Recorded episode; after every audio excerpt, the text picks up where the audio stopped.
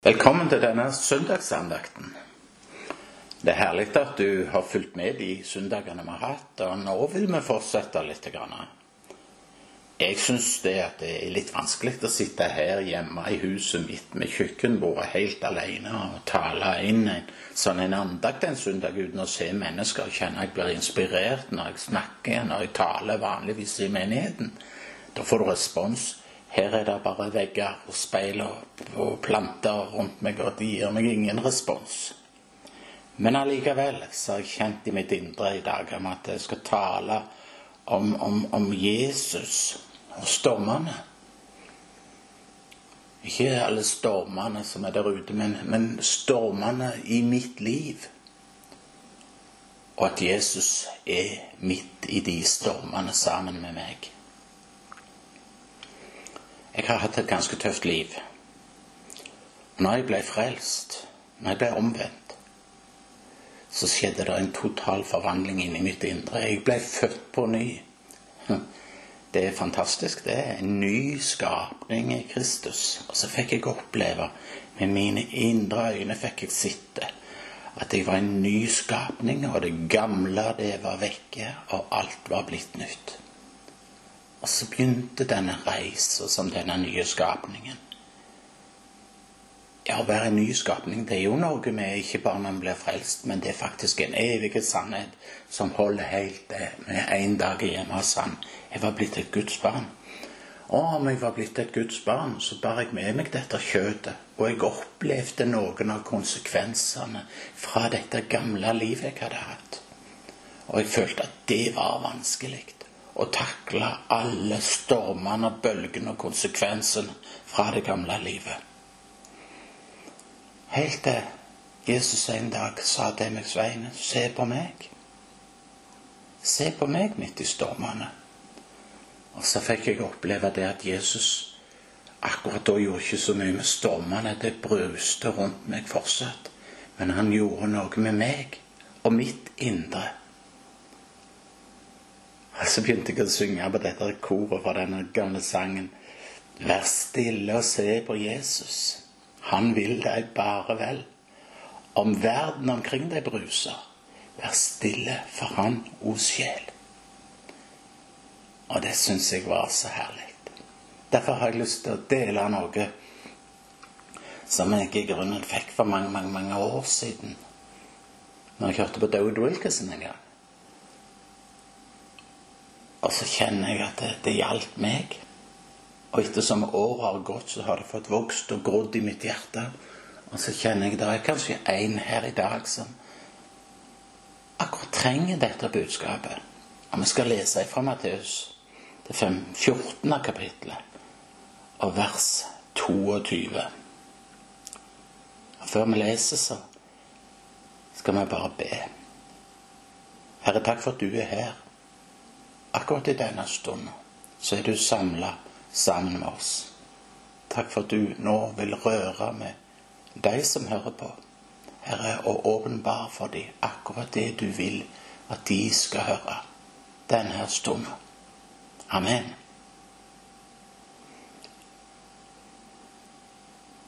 Fra det 22. verset så leser vi Og straks nødde han disiplene til å gå i båten og dra i forveien for ham, over til den andre siden, mens han sendte folket fra seg. Da han hadde sendt folket fra seg, gikk han opp i fjellet for å være for seg selv og be. Og da kvelden kom, var han der alene.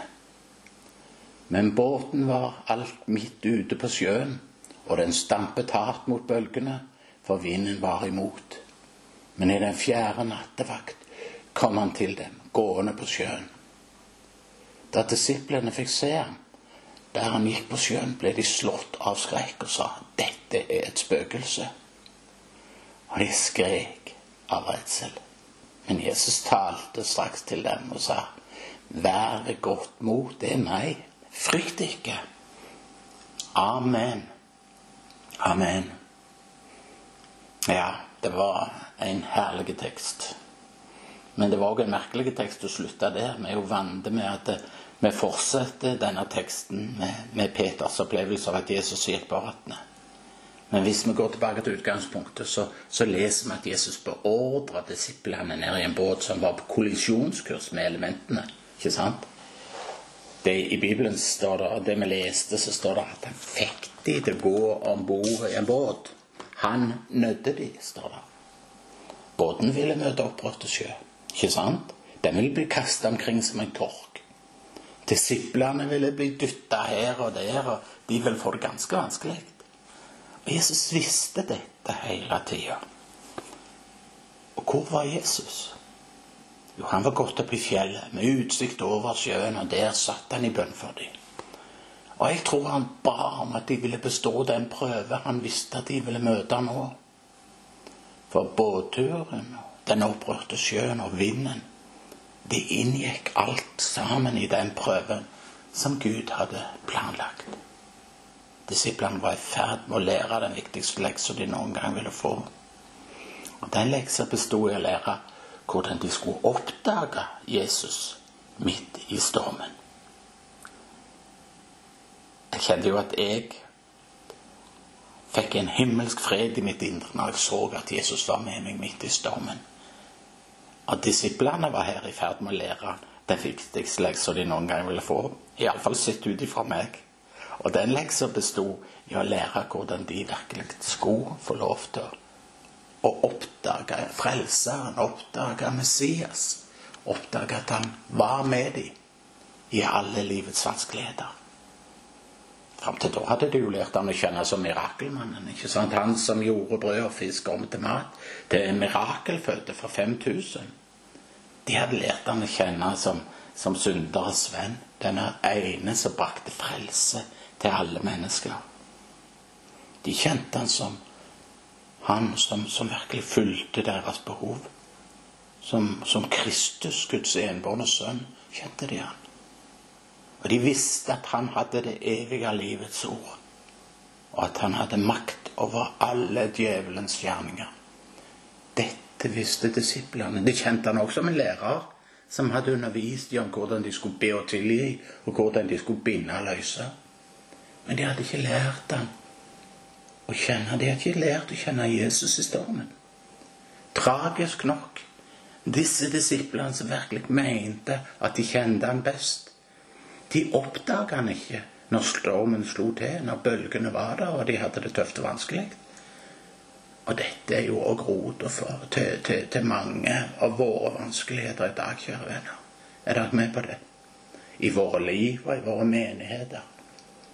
Iallfall er det roten til de fleste mine vanskeligheter. Jeg kjenner deg sliter ennå med å, å sette blikket og se på Jesus, men han vil være der.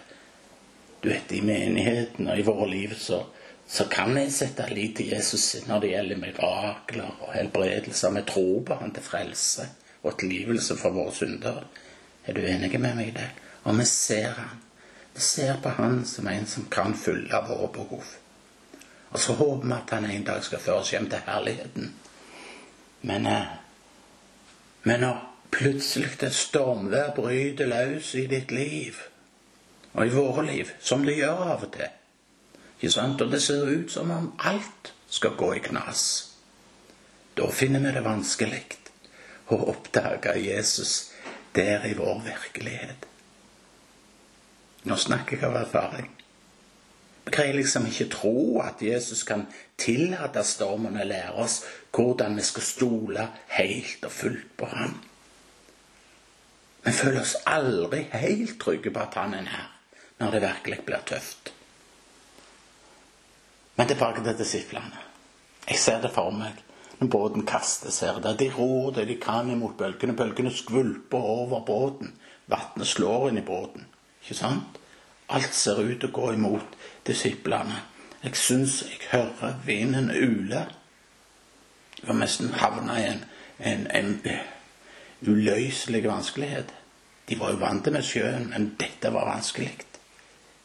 Jeg tror de var så overrasket at en forestilling om at Jesus var i nærheten og holdt øye med dem, det måtte være helt absurd. Ikke sant? Men så står det i den fjerde nattevakt kom Jesus. I deres mørkeste time kom Jesus til dem. Hvor vanskelig må det ikke ha vært for Jesus å vente så å si på bølgekanten? Men halleluja, han som elsker de så høyt, han sleit nok for å vente, ikke sant? Han sleit nok. Han, han følte nok deres smerte som sin egen. Jeg vet at han kjente Han ønsker å bevare dem fra alt vondt. Han lengta nok etter dem, akkurat som en far lengter etter sitt barn som er i vanskeligheter. Ikke sant? Likevel så visste han at de aldri ville lære han å kjenne, og at de aldri ville lære å stole på ham før stormens raseri var over dem. Og da disiplene så Jesus, ja, så leser vi jo reaksjonen, ikke sant? De trodde det var et gjenferd, et spøkelse som kom. Tanken om at Jesus virkelig var så nær, at han var så delaktig i det som skjedde, fikk aldri innpass i tankene deres eller i sinnet. Ikke sant? Og dette er en fare som du og meg står overfor. Dette er en fare vi alle står overfor og ikke være i stand til å se Jesus i våre vanskeligheter. Istedenfor så kan vi se gjenferder, ikke sant? I det avgjørende øyeblikket, når natta er på det mørkeste, når stormen er på det hissigste, når vinden er på det verste, når håpløsheten er mest overveldende, da kommer Jesus alltid nær til oss for å åpenbare seg som herre over bølgene og som frelser i stormen. står i Bibelen. Salmisten sier Herren trone over himmelhavet. Han troner som en konge for evig. Men ikke én av disiplene hadde oppdaget han i stormen. De venta ikke å finne han i stormen. De venta nok å finne han der med brønnen i Samaria. De venta nok å finne han der med utstrakte armer og be de små om å komme til han.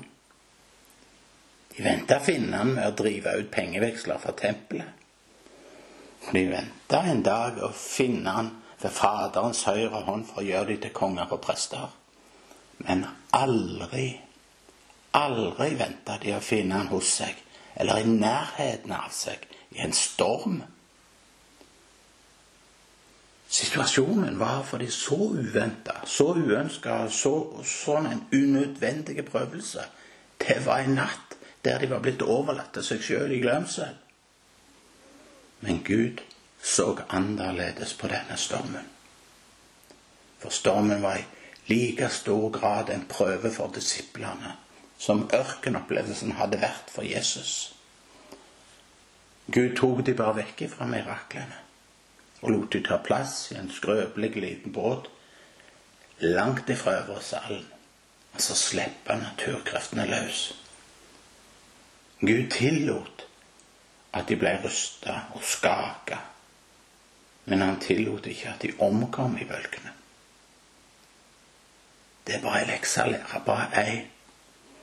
Det var ei enkel lekse, ikke, ikke spesielt djup og mystiske heller. Jesus ønska bare at de skulle stole på Han som deres herre i enhver av livets storm som han visste ville komme til dem. Han ville ikke at de skulle tape motet eller trøsten, sjøl i de mørkeste timene. Det var det hele. Kanskje er det det Gud vil med stormen i ditt liv. Om du tenkte på det? Han vil at du skal vite at stormen har en hensikt. Sånn? Og hensikten er å skjenke deg fullstendig hvile og trøst i hans kraft og hans nærvær til enhver tid. Vær stille og hjerte for Jesus, var det sangen. Vær stille og se på Jesus.